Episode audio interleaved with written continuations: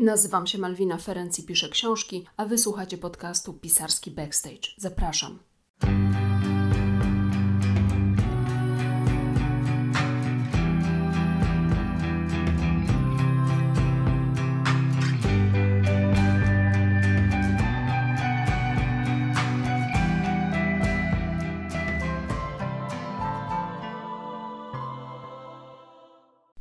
Dobry, dzień dobry, dzień dobry. Nazywam się Melwina Ferenc. Mówię o sobie, że jestem rzemieślnikiem słowa, bo piszę książki. Tak się składa i witam Was bardzo gorąco. Haha, ha, ha, gorąco. W podcaście pisarski Backstage, gdzie mówię o szeroko pojętym zapleczu pisania książek patrzę od strony pisarza i czytelnika, którym też jestem. Mówię o tym, jak od kuchni wygląda bycie twórczynią, zdradzam różne ciekawostki, mówię o tym, co w ogóle na rynku wydawniczym piszczy. No i w ramach takiej jakby wisienki na torcie dzielę się odczuciami po ostatnio przeczytanych książkach, a ponieważ sama jestem odbiorczynią treści, które produkują inni, oprócz tego, że ja sama je tworzę, to moje odczucia bywają zarówno pozytywne, jak i negatywne. Jednymi i drugimi się dzielę, z uwagi na to, że przyświeca mi hasło, że w tym podcaście mówię o pisaniu bez przemilczeń i bez lukru. Poprzedni odcinek 37.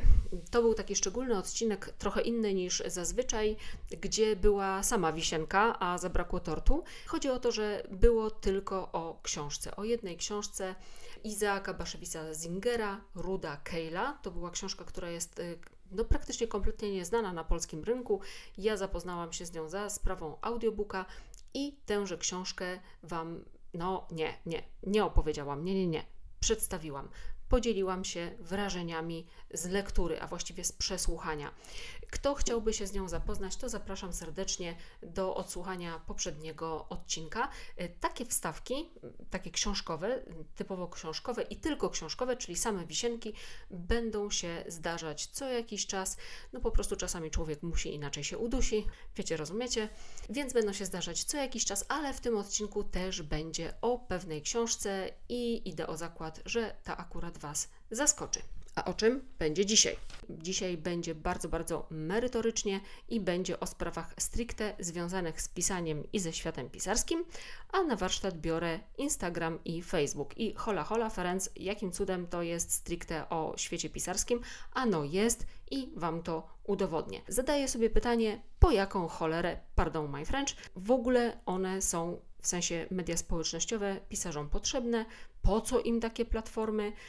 Sama mam konto i na Instagramie, i na Facebooku. Serdecznie Was zresztą na nie zapraszam, ale wobec nadchodzących zmian trzeba sobie zadać pytanie, po co w ogóle one nam pisarzom są. A co to za zmiany? Mm, radykalne i o nich właśnie będzie. Zanim jednak o nich, no to ta wisienka. Nie uwierzycie, przeczytałam poradnik. Co więcej, przeczytałam go z własnej i nieprzymuszonej e, woli. Co jeszcze ciekawsze, jest to poradnik dotyczący wychowania. I jeśli wydaje Wam się, że strach się bać, to ogólnie macie rację. Wydaje Wam się. To jest taka książka autorek, i teraz e, wybaczcie, jeśli przekręcę ich nazwiska i imiona za cholery, nie wiem jak to się czyta, sorry. Adele Faber albo Faber i Elaine Mazlisz. Ciężko mi powiedzieć. To są takie dwie amerykańskie y, babeczki, y, które napisały serię książek, które się zaczynają od jak mówić do. Jeżeli jesteście rodzicami, y, mogliście pewnie się zapoznać z ich książką Jak mówić do dzieci, żeby nas słuchały, jak słuchać, żeby do nas mówiły. To bardzo, bardzo popularna książka w świecie rodzicielskim, więc jak komuś mówicie o tej książce, to on doskonale wie o co chodzi. No i dobrze, i właśnie te autorki, zachęcone sukcesem swojej książki, napisały później jeszcze jedną, która również okazała się sukcesem i bardzo słusznie, aż w końcu zostały poproszone, jak same mówią, o napisanie czegoś dla rodziców nastolatków. No więc właśnie te autorki napisały książkę dla rodziców nastolatków i ta książka ma tytuł, no nie uwierzycie, jak mówić do nastolatków, żeby nas słuchały i jak słuchać, żeby z nami rozmawiały. Książkę czyta Paulina Holz. Ja się z nią zapoznałam właśnie w formie audiobooka, bo y, ja teraz właściwie wszystkie książki poznaję w formie audiobooka, bo nie mam czasu na czytanie. Staram się to czytanie wepchnąć y, gdziekolwiek naprawdę i y, najczęściej czytam audiobooków, kiedy spaceruję z psem albo po prostu kiedy jadę do pracy, najczęściej jadę rowerem. I aha, no przemycam. Nie, nie utrzymuję się z pisania książek. To jest mój dochód dodatkowy. Mam pracę, którą lubię i nie zamierzam jej zostawiać. Tak bardzo ją lubię, że gdybym musiała wybierać między pisaniem książek a rezygnacją z pracy, zrezygnowałabym z pisania książek. Amen. Więc audiobook czyta Paulina Holz i bardzo dobrze to robi. Sam audiobook nie jest długi, to jest zaledwie 3 godziny i 53 minuty. W świecie audiobooków to jest naprawdę pikuś, rozgrzewka, nowelka. I teraz z opisu wydawcy jest tak, że autorki piszą o zagubieniu, o pragnieniu akceptacji, o młodzieńczym buncie, o przekorze i potrzebie decydowania o sobie, jaką odczuwają prawie wszystkie nastolatki. Autorki poruszają kwestie związane ze zmianami obyczajowymi, przedwczesnym zainteresowaniem seksem, łatwym dostępem do narkotyków, niebezpieczeństwami związanymi z szerokim dostępem do mediów. Książka powstała na podstawie wielu zajęć i spotkań, jakie autorki przeprowadziły z nastolatkami i ich rodzicami i nowe wydanie ukazuje się w odświeżonej szacie graficznej. No tam szata graficzna, graficzna to powiedzmy pal licho, ale rzeczywiście ta książka powstała y, na podstawie wielu spotkań i autorki tak właśnie ją prowadzą. Jest to jakby taki zapis y, tych spotkań. Same zresztą we wstępie to twierdzą, że w tej książce no, kompilują po prostu ileś tych spotkań, które y, zostały przeprowadzone, zmieniają y, pewne niezbędne dane osób, które zostają tam wymienione, żeby chronić ich prywatność, łączą różne spotkania powiedzmy w jedno, ale generalnie sens zostaje zachowany. I rzeczywiście te wszystkie kwestie, które wspomniałam, są w niej poruszane. Ja w ogóle y, bardzo mocno się wkręciłam w takie kwestie psychologiczne y, związane z rozwojem młodych ludzi i z wychowaniem nastolatków, z rozwojem nastolatków. Bardzo, bardzo gorąco polecam Wam podcast SWPS, czyli Szkoły Wyższej Psychologii Społecznej. Ten podcast nazywa się y, Strefa Psyche. Tam jest bardzo dużo takich tematów związanych z rozwojem nastolatków i naprawdę jest to świetna, merytoryczna robota. Gorąco Wam to polecam. To jest po prostu najczęściej zapis wykładów, jakie się odbyły na uczelni. Natomiast gdyby komuś nie było po drodze z podcastami albo chciałby zacząć od czegoś, co można poczytać na przykład y, siedząc sobie gdzieś tam, albo odsłuchać sobie właśnie tak, takie coś powiedzmy łatwiejszego, to ta książka jest e, świetnym punktem, żeby zacząć w ogóle swoją przygodę z takimi e, poradnikami dla rodziców e, dzieci nastoletnich. To jest właściwie elementarz, to jest takie ABC. Jeżeli ktoś nie wie od czego zacząć, a chciałby dowiedzieć się czegoś na temat właśnie rozwoju nastolatków, to niech zacznie od tego. To jest bardzo dobry start. Czy czytać? W ogóle, czy czytać książkę, jak mówić do nastolatków, żeby nas słuchały. Tak, czytać. Powiem Wam, że pomimo wielu wad, jakie ma ta pozycja, zapoznanie się z nią, lektura jej sprawiła mi ogromną ulgę. Po pierwsze, okazało się, że jestem normalna. Tadam. Po drugie, okazało się, że moje dzieci to najzwyklejsze nastolatki pod słońcem. Dosłownie książkowe, elementarne przykłady. Tadam. Po trzecie, okazało się, że to, co mnie spotyka, spotyka miliony innych osób i tworzymy razem z tymi osobami jedną wielką grupę wsparcia. I w tej grupie wsparcia klepiemy się po pleckach, wypłakujemy sobie się w koszulę i tak dalej.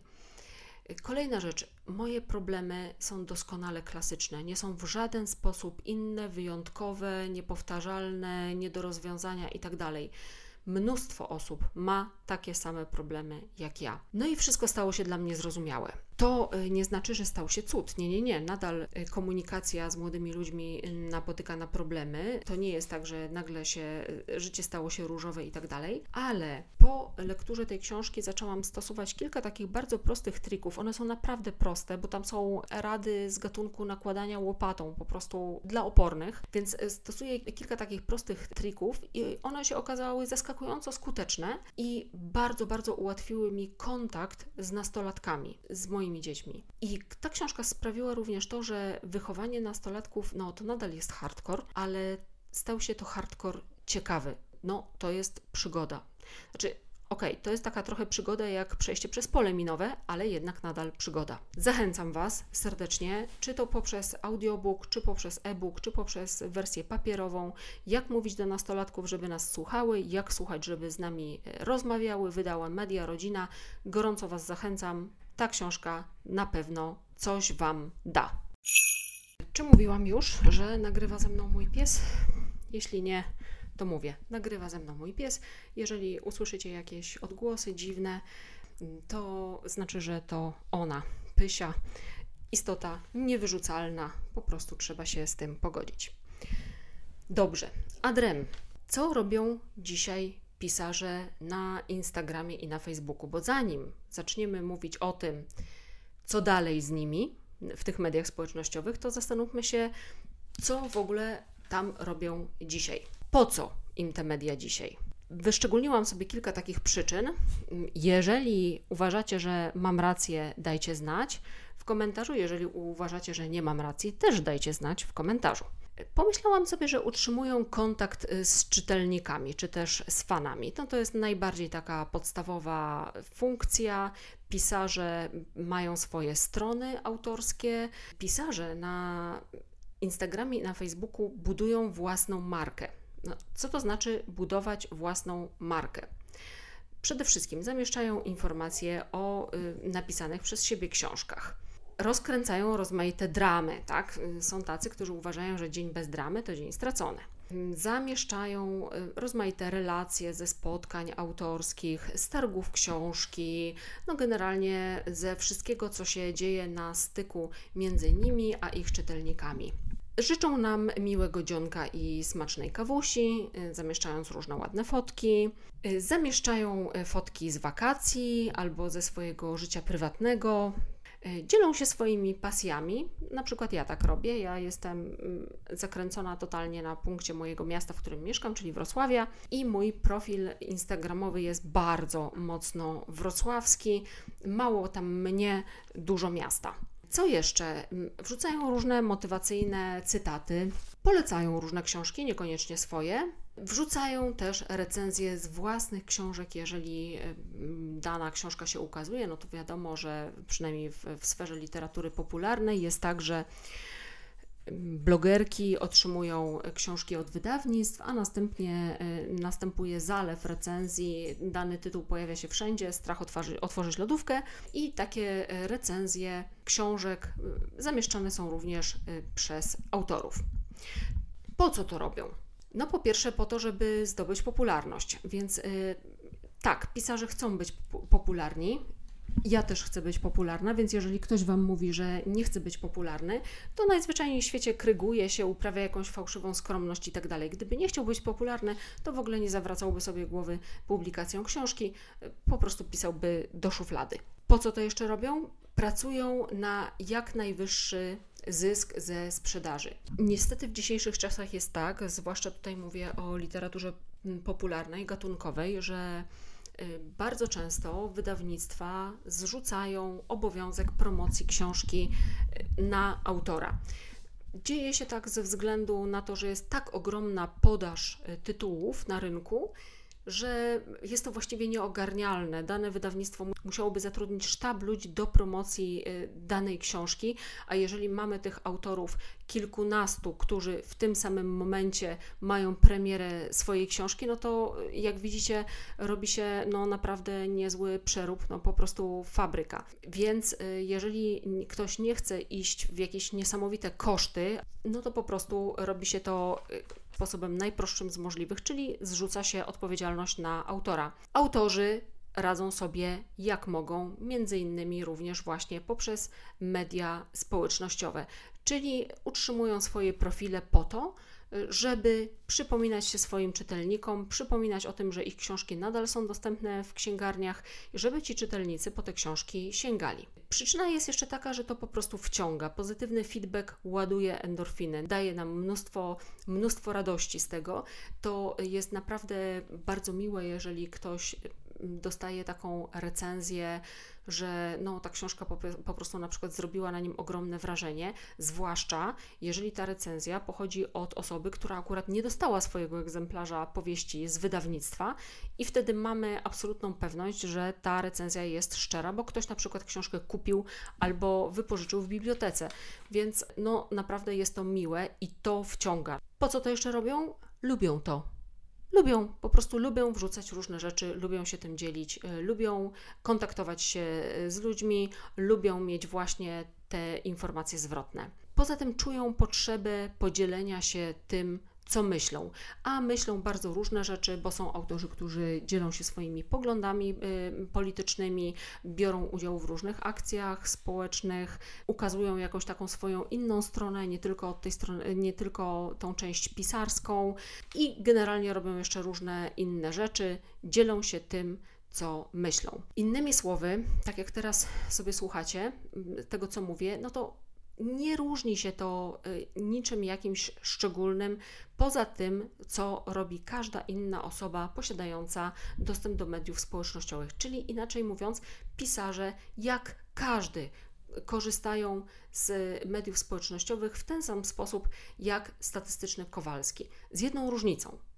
Są osobami publicznymi i teoretycznie działalność w mediach społecznościowych powinna się przekładać na zyski ze sprzedaży ich książek. No tylko czy się przekłada? Otóż nie wiadomo. Nie dysponujemy e, żadnymi danymi, mówię ja, e, przedstawicielka stada pisarzy, nie dysponujemy żadnymi danymi, które pozwoliłyby stwierdzić, czy obecność na Facebooku, Instagramie, Twitterze, TikToku itd. Tak opłaca się bądź też się nie opłaca. Dlaczego nie dysponujemy? Bo nikt tych danych nam nie daje, nawet jeśli o nie poprosimy. Czyli po prostu jest to niestwierdzalne dla nas, czy nasza aktywność w jakiś sposób wpływa na sprzedaż naszych książek. Wydawnictwa przy rozliczeniach takich danych nie udostępniają. Podejrzewam, że nawet ich może nie mają, zresztą byłoby to bardzo trudne do weryfikacji. Wiemy mm, z danych zawartych y, w raporcie czytelnictwa, który powstał na y, zlecenie Biblioteki Narodowej, z tego raportu wynika, że większość książek sprzedaje się stacjonarnie i w wersji papierowej. E-booki i audiobooki to 5% sprzedaży. No dobrze, ale po jaki procent tych książek, niezależnie od tego, w jakiej one są formie, sięgnięto po tym, jak zobaczono je w mediach społecznościowych? To jest nie do sprawdzenia. Wiemy też y, z tego samego raportu, że najczęściej kierujemy się rekomendacjami bliskich przy wyborze jakiejś lektury. Ale skąd bliscy dowiedzieli się o danej książce, czy przeczytali ją po tym właśnie, jak zobaczyli y, jej recenzję w internecie, czy też sami sięgnęli po, y, po nią z półek księgarnianych? Tego też nie wiemy. Wiemy natomiast, że na stronę autorów wchodzi około 2% czytelników. Czyli jak widzicie, no szału nie ma. To moje kartki tak szeleszczą. No dobrze, ale dlaczego o tym mówię? Ano mówię o tym, bo piekło zamarzło, nadchodzi rewolucja, właściwie już jest. Otóż, tadam, tadam, tadam, Facebook i Instagram będą płatne. Zanim zejdziecie na zawał, to powiem, że nie dla wszystkich. Dla tych, którzy chcą mieć zweryfikowane konta. Y, wiecie zapewne doskonale, że mm, na Facebooku, na Twitterze, na Instagramie jest coś takiego, że niektóre konta są wyposażone w taki niebieski znaczek albo jakiś inny znaczek, no generalnie znaczek. Ten znaczek oznacza, że ta osoba jest zweryfikowana, czyli teoretycznie przynajmniej trudniej się pod nią podszyć. I teraz będą łatwiejsze do uzyskania, bo trzeba będzie jedynie za nie zapłacić. Jeśli więc dany pisarz chce mieć zweryfikowane konto, a założy się, że wielu chce, to nie ma problemu, tylko będzie właśnie musiał y, parę złociszy dać mecie. A dlaczego takie konta zweryfikowane są ważne? No bo przede wszystkim, tak jak Wam powiedziałam, pisarze pracują nad swoją marką. I po drugie, no właśnie, takie podszywanie się, fejkowe konta, klony, plagiaty to jest prawdziwa zmora dzisiejszego internetu. Co Meta, czyli właściciel Facebooka i Instagramu, obiecuje w ramach weryfikacji. Przede wszystkim lepsze wsparcie i obsługę, lepsze zasięgi i nowe naklejki. Czy to Was przekonuje? Moim zdaniem trochę słabo, no bo zobaczmy, co to znaczy lepsze wsparcie i obsługę. Nie wiem, czy mieliście taki problem, oby nie, ale jeżeli nie daj Boże ktoś Wam przyjął konto, albo ktoś Wam splagiatował konto, albo jeszcze coś tam się zdarzyło, ktoś Wam ukradł zdjęcia, albo jeszcze coś innego zrobił, to uzyskanie pomocy, y, zablokowanie fejkowego konta, y, zablokowanie konta, które kradnie efekty Waszej y, pracy, to jest droga przez mękę. Można to sobie zgłaszać do upojenia i wszystko jak krew w piach, grochem o ścianę. Lepsze wsparcie i obsługa, czyli co? No niestety nie wiemy, na czym będzie e, polegać lepsze wsparcie i obsługa, co się tam polepszy, czy będzie lepszy kontakt, czy będzie lepsza reakcja na to, co mamy teraz, bo teraz jest praktycznie bez reakcji, nie wiadomo. Lepsze zasięgi, no czyli jakie? o ile będą lepsze, o ile procent będą lepsze, w jaki sposób to się zmieni, jak się to przełoży na widoczność naszych treści, nie wiadomo. Po prostu mamy obietnicę lepszych zasięgów. Nowe naklejki. Nie no, wow, no ekstra. No, nowe naklejki to z pewnością jest coś, co jest e, nam pisarzom najbardziej potrzebne po weryfikacji konta. No, na pewno o niczym innym nie marzymy, tylko o nowych naklejkach drżę z ekstazy. I teraz ile trzeba będzie płacić za tą weryfikację konta? Otóż uwaga, za wersję desktopową 65 zł miesięcznie, za wersję aplikacji, czyli dostępną na telefonie komórkowym 80 zł miesięcznie. Cholernie dużo.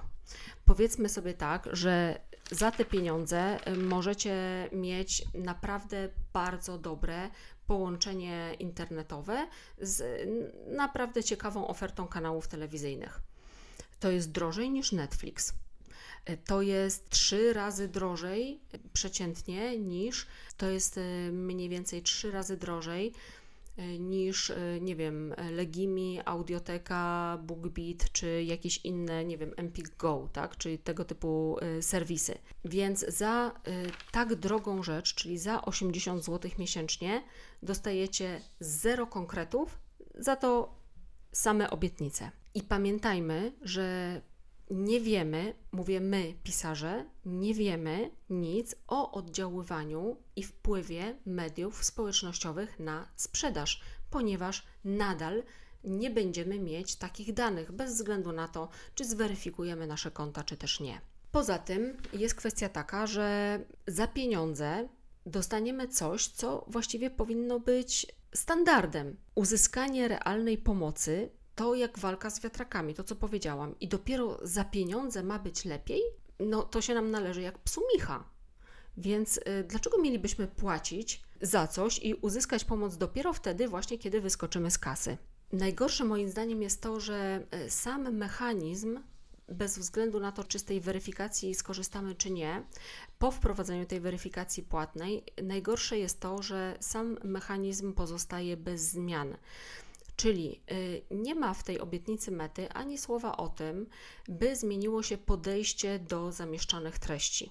A więc y, nadal będzie y, miało większe szanse zaistnienia to, co w nas, co nas angażuje emocjonalnie. Zwłaszcza wtedy, kiedy są to emocje negatywne. Czyli inaczej mówiąc, nadal będzie się liczyć klikalność, bo emocje sprzedają, emocje przyciągają i emocje sprawiają, że w danym temacie pozostajemy dłużej, na danej platformie pozostajemy dłużej, a jeżeli y, na dodatek rozpęta się jakiś kałsz kwał, no to już w ogóle wspaniale, bo będziemy y, w tym serwisie naprawdę długo i naoglądamy się bardzo, bardzo dużo reklam. I o to właśnie chodzi. Czyli wartościowe treści, jak podejrzewam, nadal będą miały tak czy inaczej problem, żeby się przebić. A zweryfikowanych kont, zauważmy, będzie coraz więcej. Do tej pory taką weryfikację bardzo trudno było uzyskać. Ja prosiłam o nią dwa razy i za dwa, dwukrotnie mi odmówiono. Teraz nie ma z tym żadnego problemu, wystarczy zapłacić I zapewne sporo osób będzie takich, które się na to skusi, a zatem zwiększy się radykalnie ilość tych osób, które będą potrzebowały tego lepszego wsparcia i lepszej pomocy. Mm, wyczuwam problem. Poza tym nie wiemy, czy za te 80 zł miesięcznie nie będzie reklam albo będzie mniej reklam. Nie ma o tym ani słowa. Prawdopodobnie będą nas atakować z taką samą intensywnością, jak to się dzieje teraz. No dobrze, no to w takim razie weryfikować czy nie weryfikować? Oto jest pytanie. Powiem, jak ja się na to zapatruję. Jeżeli ktoś jest influencerem, czyli jego zyski miesięczne bezpośrednio zależą od jego zasięgów i jego obecności na Instagramie czy na Facebooku. Jeżeli współpracuje taki influencer z różnymi markami, e, jeżeli kontaktuje się ze sponsorami, jeżeli zamieszcza różne treści sponsorowane na podstawie podpisanych umów, jeżeli rozlicza się z tych zasięgów, rozlicza się z, z, tego, jak jego posty docierają do odbiorców, to takiej osobie podejrzewam, weryfikacja będzie bardzo potrzebna, z uwagi na to, że w jej interesie jest to, żeby te zasięgi były coraz większe. W interesie pisarza oczywiście też to jest, ale influencer ma nad pisarzem taką przewagę, że on wie, w jaki sposób Y, jego zasięgi przekładają się na jego zyski. Może na przykład ustalać w ten sposób stawki. Jeżeli ktoś prowadzi sklep na Instagramie, jeżeli ktoś y, prowadzi jakieś strony związane z rękodziełem, jeżeli ktoś szuka klientów przez Instagrama, chociażby, nie wiem, tatuażyści, wszystkie te grupy, które mogą zweryfikować przełożenie swojej obecności w mediach na sprzedaż, dla wszystkich tych osób weryfikacja wydawać się będzie sensowna, nawet jeżeli będzie tak droga. Natomiast pisarze, pamiętajmy, że pisarze płacą tylko i wyłącznie za znak zapytania, bo nie dysponują i nie będą dysponować żadnymi danymi, które pozwalałyby im stwierdzić, że w ich przypadku tak droga usługa rzeczywiście jest opłacalna. Czy ja będę weryfikować swoje konto? Na ten moment z całą pewnością nie. Co dalej? Zobaczymy. No i jest jeszcze jedna rzecz, o której trzeba powiedzieć. Czy w ogóle media społecznościowe są pisarzom potrzebne? Kiedy ja wchodziłam na rynek wydawniczy, było to kilka lat temu, przedstawicielka wydawnictwa, w którym debiutowałam, powiedziała mi, że dobrze by było, żebym sobie założyła y, konto na y, Instagramie i konto na Facebooku, takie pisarskie, tak? czyli swoją jakby stronę autorską. Zasugerowała mi, że jest to wręcz wymagane. Dokładnie z, taką samą, z takim samym podejściem spotkałam się w przypadku innych autorów.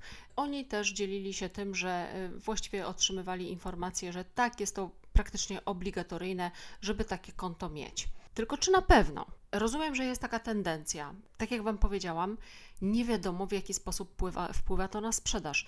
Czy da się w dzisiejszych czasach nie mieć y, konta w mediach społecznościowych, nie być tam obecnym i mimo wszystko być popularnym autorem? Tak, da się i takim przykładem jest Elena Ferrante. To jest osoba, która nie istnieje w mediach społecznościowych. Co więcej, nie wiemy, czy Elena Ferrante to jej prawdziwe imię i nazwisko, czy też nie. Mało tego, nie wiemy, czy na pewno jest kobietą, jak y, to imię i nazwisko sugeruje. Co więcej, spotkałam się z y, takim przypuszczeniem, taka spiskowa teoria dziejów, że to nie jest jedna osoba, że to są co najmniej dwie osoby, a najlepiej małżeństwo. Tak czy inaczej, jakkolwiek by nie było, ta osoba jest niezwykle popularną pisarką. Jej powieści cieszą się ogromnym uznaniem e, tak czytelników, jak osób w sposób merytoryczny wypowiadających się o rynku czytelniczym. I to jest osoba, która reprezentuje stanowisko, że książka powinna obronić się sama i że nie jest potrzebne żadne promowanie jej, żadne, żadne sztuczne nakręcanie ruchu w mediach społecznościowych. Jeśli jest to dobra książka, to ona tak czy inaczej się przebije. Szczerze mówiąc, trudno mi sobie wyobrazić autora literatury gatunkowej, który w ten sposób podchodziłby do mediów społecznościowych i do promocji poprzez brak promocji i taką postawę, ze względu na to, że literatura gatunkowa w odróżnieniu do pięknej rządzi się zupełnie innym mechanizmem. Tu nie chodzi o jakość książki, Tu chodzi o sprzedawalność. Chodzi również o to, żeby przypominać się czytelnikowi możliwie często z kolejnymi pozycjami książkowymi, chociażby po to, żeby ten czytelnik w zalewie, w morzu tytułów, które wychodzą na rynku, wybrał właśnie tę, a nie inną książkę. Nie wiem więc, czy taka strategia miałaby szansę powodzenia w przypadku literatury gatunkowej, ale na pewno jest to jakiś głos w dyskusji, nad którym warto się zastanowić i który warto wziąć poważnie. Bardzo ciekawe jest też to, to już powiem na koniec, że mm, rozpisałam taką ankietę na Instagramie, gdzie zapytałam się Was, co Wy byście zrobili, Wy jako osoby, bo adresowałam tę ankietę do osób właśnie kontaktujących się ze swoimi potencjalnymi odbiorcami, fanami, klientami itd. Tak za pośrednictwem mediów społecznościowych, takich jak Facebook i Instagram. Co zrobicie w momencie, kiedy y, y, wejdzie możliwość płatnej weryfikacji konta? Tylko kilka procent stwierdziło, że tak na taką weryfikację pójdzie, bo nie będzie miało innego wyjścia. Jest właśnie w tej, y, są to osoby, które są w tej grupie, która, dla której niezwykle ważne są zasięgi i są to dane sprawdzalne. 84% powiedziało, że pozostanie na platformie, nie będzie płacić, ale pozostanie na platformie nawet kosztem mniejszych zasięgów.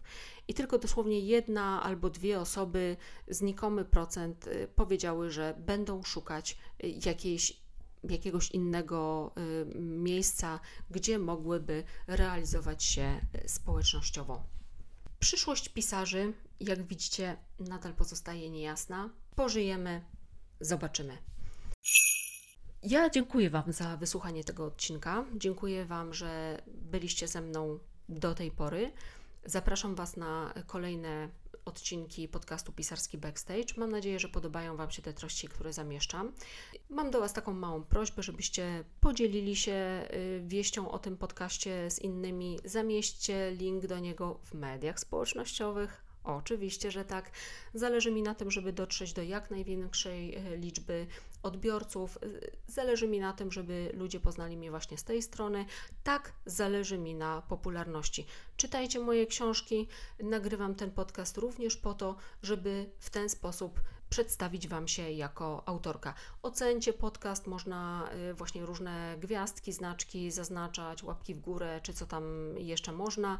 Będzie to taki mały gest, nic y, być może Was nie kosztujący, a dla mnie jest to ważne, bo będę mogła właśnie w łatwiejszy sposób dotrzeć do innych. I cóż, słyszymy się już za jakiś czas w następnym odcinku podcastu Pisarski Backstage. Cześć!